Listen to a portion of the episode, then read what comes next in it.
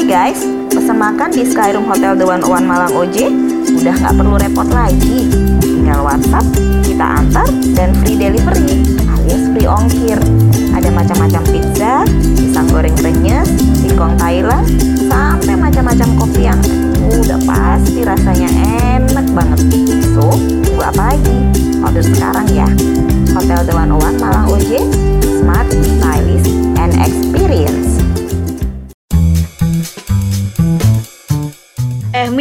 Apa? kamu semalam ambil SKS berapa? Hah? Semalam aku sistem kebut semalam, makanya lagi capek ini. Apaan sih gak nyambung tau Mir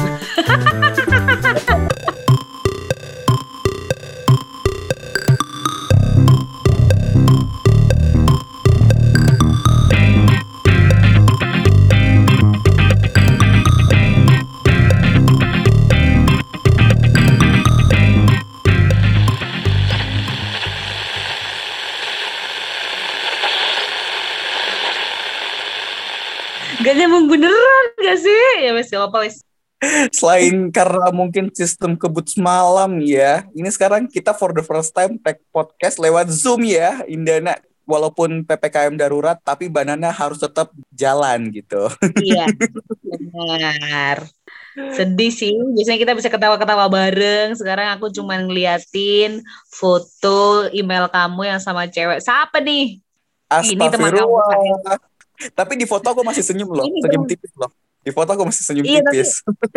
Tapi mbaknya kok gak senyum sih? Mbaknya kesiksa ya kamu paksa untuk bersandar di bahumu ya? Astaga, enggak Indana. Anyway, kita kita hari ini mau bahas soal SKS ya.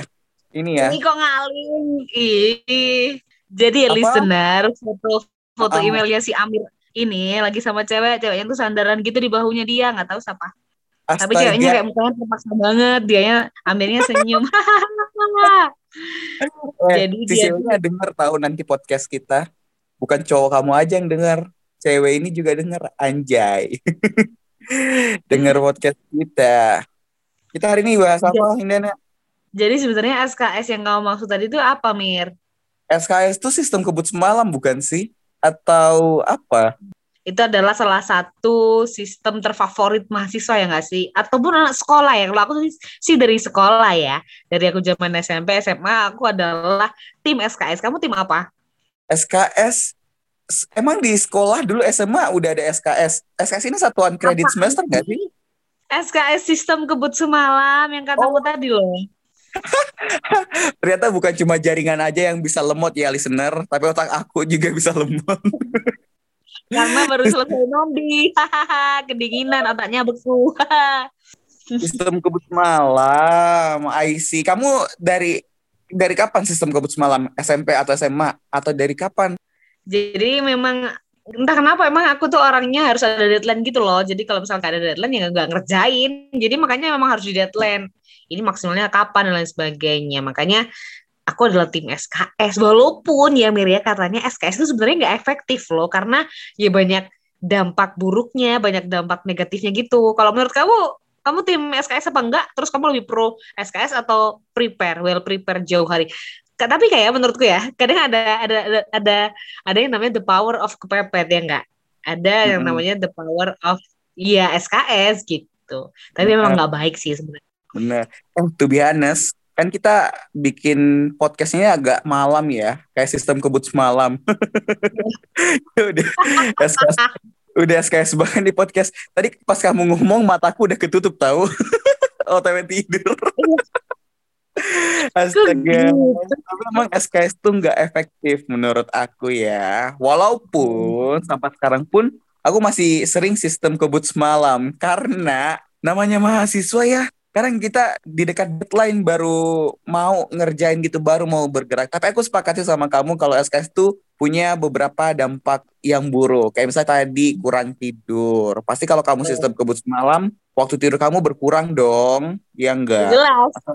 Soalnya yang lain Iya. udah selesai ngerjain, kitanya baru ngerjain ya enggak. Jadi kita belum Iya. bobo tidur. Benar-benar. Dosen ngasih tugas, makalah 10 halaman, deadline satu bulan. Orang lain ngerjainnya 15 hari sebelum pengumpulan, eh kita satu hari. Gimana nggak mau tidur sayang? Makanya kadang ada, ada ada juga dosen yang bilang sebenarnya sama aja ya mau kasih tugasnya mau kasih tugasnya sekarang atau besok kalian juga kerjanya pasti mepet gitu kan. Tapi Iya. ini nggak berlaku sih buat anak-anak emang rajin Hmm, yang ngerjain tugasnya tuh satu hari banget tuh emang ngaruh. Tapi kalau aku sih ya beda-beda sih ya emang ya. Kayaknya kayaknya anak-anak yang rajin, anak-anak bingkai gadis nggak sih? Kita tuh yang banana malas anaknya. Makasih banget, nggak apa-apa. Kita gibahin bingkai gadis di banana. Tapi ngomongin kurang tidur ya, Mir. Kalau eh, yang namanya kurang tidur pasti juga kurang ya. Namanya kurang pasti kurang sehat juga nantinya ke, ke tubuh kita ya nggak? Bener. Nah, Karena- apalagi kalau Mm-mm. ya. Kamu dulu. Tapi apalagi kalau sekarang kita kan harus jaga kesehatan juga, imun kita harus kuat juga ya kan. Tapi kalau kita kurang tidur nanti pasti kesehatan juga menurun. Jadi nggak baik sih. Penyakit ringan kayak dehidrasi, influenza, dan tidak menutup kemungkinan terserang serangan jantung itu juga salah satunya loh Mir. Gara-gara eh, apa namanya tadi SKS gitu. Karena aku pernah baca beberapa penelitian ya. Tumben aku akademik, tumben loh ini seorang Iya. Amir bawa datanya tuh scientific listener. Terus tuh aku tuh pernah baca penelitian Indana soal kalau kurang tidur tuh bisa mengganggu keseimbangan imun di dalam tubuh. Jadi kayak kan. Hmm. Karena kalau kita generasi muda tuh minimal tidur 8 sampai 10 jam. Kalau agak lebih tua tuh eh, 9 sampai 11 jam gitu. Kayaknya pernah kita bahas juga sih ini. Iya kayaknya sih. Berarti Mm-mm. semakin tua orang butuh tidur yang lebih lama ya. Bener. Kan semakin tua kita nanti akan tidur untuk selama-lamanya Indana. Bener nggak? Astagfirullahaladzim. Emang bener kayak orang tua tuh kembali ke masa bayi juga katanya kan gitu ya. Semakin tua semakin kembali ke masa bayi. Kan bayi tidur mulu tuh ya kan. Oh iya, benar-benar. Benar-benar. Baik tidur Jadi mulu. harus aku harus lebih banyak tidur daripada kamu itu bener ya kan. Yang harus banyak kerja, banyak mikir tuh kamu daripada aku. Yuk mikir next konten apa kamu ya Mir. Tapi Indana, selain mengganggu ini ya, kesehatan, namanya Ya. kurang tidur, kurang kesehatannya, ini juga ternyata membuat tubuh sama otak ini kurang juga kinerjanya. Jadi serba minus gitu ya. Karena Iya bayangin aja ya, kamu harus beraktivitas, tapi waktu tidur kamu kurang, ngantuk dong, nggak bisa konsentrasi, ya nggak? Betul, dan mungkin kalau misalkan keseringan kayak gitu ya, itu juga bisa nyebabin insomnia kayak kamu ya enggak? Kamu kan ge- begadang tuh terus menerus, nah itu tuh bisa nyebabin insomnia yang mengganggu jadwal tidur kamu. Kamu kan kurang tidur, itu Hmm. juga bisa meningkatkan resiko obesitas loh. Wow, tuh ya obesitas. Selain Iya. obesitas juga bisa penuaan dini Mir, jadi jangan sampai kamu tuh kebanyakan ya. begadang, kebanyakan SKS, kamu jadi tua, jadi obesitas. Kan jadinya mbak-mbak yang di foto kamu ini nanti nggak nempel lagi sama Oh. kamu. Sekarang udah nggak nempel sih, dia ada di Sulawesi, aku di Malang, terpisahkan oleh pulau gitu ya. Oh, oh jadi ini yang katamu itu, heeh, ini yang Kamu kalau ada diskonan Raiders itu sama ini. Astaga, kamu jangan menyebarkan rumor Indana. Nanti listener nih berpikir yang lain-lain ya. Tapi memang banyak banget ya hal-hal negatif yang bisa kita temui kalau kita pakai sistem SKS atau sistem kebut semalam. Makanya sambil bikin podcast ini aku tutup mata listener. Biar aku tuh secara mulut kan kerja ya, tapi secara otak tuh udah tidur sebenarnya. Canda.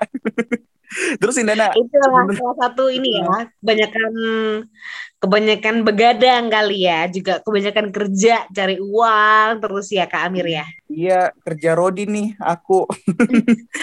Tapi ya, kalau misalnya kita tadi udah bahas kalau SKS misalnya nggak sehat bisa nyebabin kamu kayak kamu obesitas, eh, terus juga bisa penuaan dini dan lain sebagainya. Nah, kalau menurut Amir, terus kalau begitu cara belajar yang efektif sih yang kayak gimana sih Mir? Kalau menurut Amir ya? Nah, itu adalah pertanyaan yang sebenarnya pengen aku lempar ke kamu juga, Indana. Tapi sebenarnya ini, ini sih efektifnya orang juga beda masing-masing ya tergantung cara belajar orang. Kalau SMP SMA dulu ada yang namanya belajar itu audio teori, visual, eh, kinestetik dan lain sebagainya itu kan pasti kan Hmm. juga beda-beda yang bikin nyaman ya kan. Karena zona nyaman setiap orang tuh beda-beda gitu. ada yang auditori kayak aku misalnya lagi ngerjain-ngerjain tuh aku selalu pakai musik tuh biar aku nggak ngantuk dan kadang ada orang yang malah dengerin musik gak bisa harus sunyi sepi dan kering kerontang Aku tuh kalau lagi belajar yang butuh fokus banyak ya, aku tuh gak Mhm. bisa dengerin musik. Tapi kalau untuk kerjain tugas yang ringan, aku masih bisa dengerin musik, dengerin Oh, podcast, apalagi ada banana gitu ya. Deng jadi, jadi sambil nugas tuh sambil relax gitu. berarti intinya kita tuh harus yang pertama buat suasana belajar yang nyaman ya tergantung eh, nyaman kita masing-masing tuh kayak gimana gitu kan ya bisa Bener. dengerin musik bisa di tempat Iya. yang sepi kalau kayak kata kamu tadi juga di tempat-tempat yang pokoknya nyaman agar mood kita tuh belajar tuh meningkat gitu kan Yang jelas kamu jangan bawa iming-iming ya udah aku belajar sama teman aku di kafe gitu karena aku nyaman sama mereka. Percayalah sayang, belajar bersama teman di kafe itu hanyalah wacana semata. kamu, kamu pernah pernah nggak sih Indana yang belajar di kafe bisa nyaman? Pasti Kalau enggak. aku tuh bukan bukan belajar di kafe sih. Kalau di kafe aku pasti ngerjain tugas apa gitu. Kalau misalkan ngerjain skripsi nih ya, kita berdua sama-sama ngerjain skripsi sendiri-sendiri, ya udah bisa karena fokus sama kerjanya sendiri-sendiri. Itu aku Asik. bisa kayak gitu. Tapi nggak semua kafe tuh bisa dibuat ngerjain kayak gitu. Nggak semua kafe cocok. Kalau kopi-kopian terlalu ramai juga nggak enak. Harus Benar, yang benar. yang nyaman itu tadi. Mm-mm, mm-mm. Tapi aku juga ingat ya, waktu aku SMA, salah satu metode Hmm. yang aku pakai untuk belajar, itu kamu pernah nggak sih lihat orang yang bikin sticky notes, sticky notes untuk kayak Iya, ngerangkum iya, iya, iya, iya, iya. Ini Iya, nih biasanya kalau misalkan eh, Heeh, FYP ya.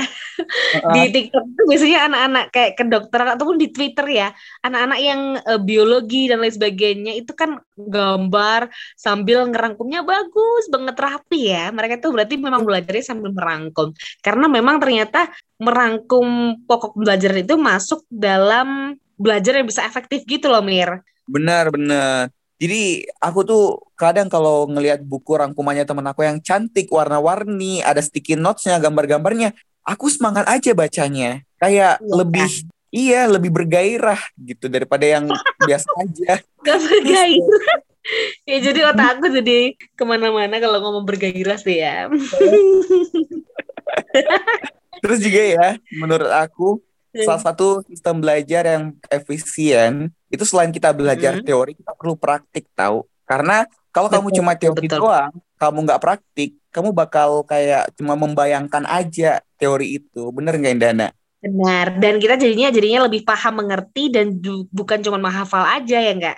Jadi kita tuh Benar. harus apa namanya ya paham kalau bahasa pembelajarannya itu konsepnya itu paham gitu konseptual gitu ya enggak. Aduh ibu guru. tapi tapi perlu di highlight ya tidak semua Ah. pembelajaran itu perlu dipraktekkan contoh materi bio- materi biologi bidang reproduksi itu nggak perlu dicontohkan ya listener Iya, betul. Karena banyak sudah video-video yang bisa ditonton. Iya enggak? Tinggal search bro ya enggak? Udah gak usah sulit-sulit lagi ngapain. Kecuali nih kalau misalkan pengen praktek sendiri ya ada waktunya sendiri. Jangan macam-macam lah ya. Terus juga mungkin yang terakhir, yang terakhir ya, metode pelan- Hmm. pembelajaran yang paling efektif itu kamu memahami materinya bukan menghafal. Karena aku Hmm. tuh Ya kan barusan kan satu- ngomong itu Mir, gimana sih? Ah, apa? aku barusan kan ngomong itu. Oh Ngomong- iya, Jadi eh, katamu tadi kan harus belajar praktik, eh, harus ada praktiknya. Nah itu yang bikin kita tuh jadi paham lebih paham, cuma menghafal aja. ya kan? oh Mian Mian, pakai Zoom soalnya recordnya ya, listener dimaklumi aja.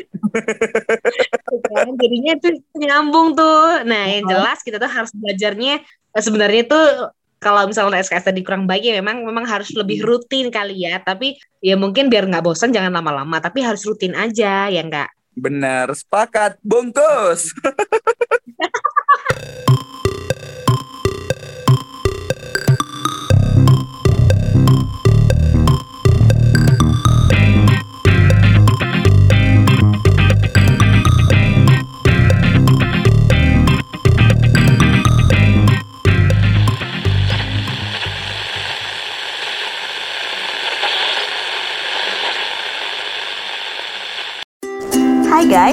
semakan makan di Skyroom Hotel The One One Malang OJ, udah nggak perlu repot lagi.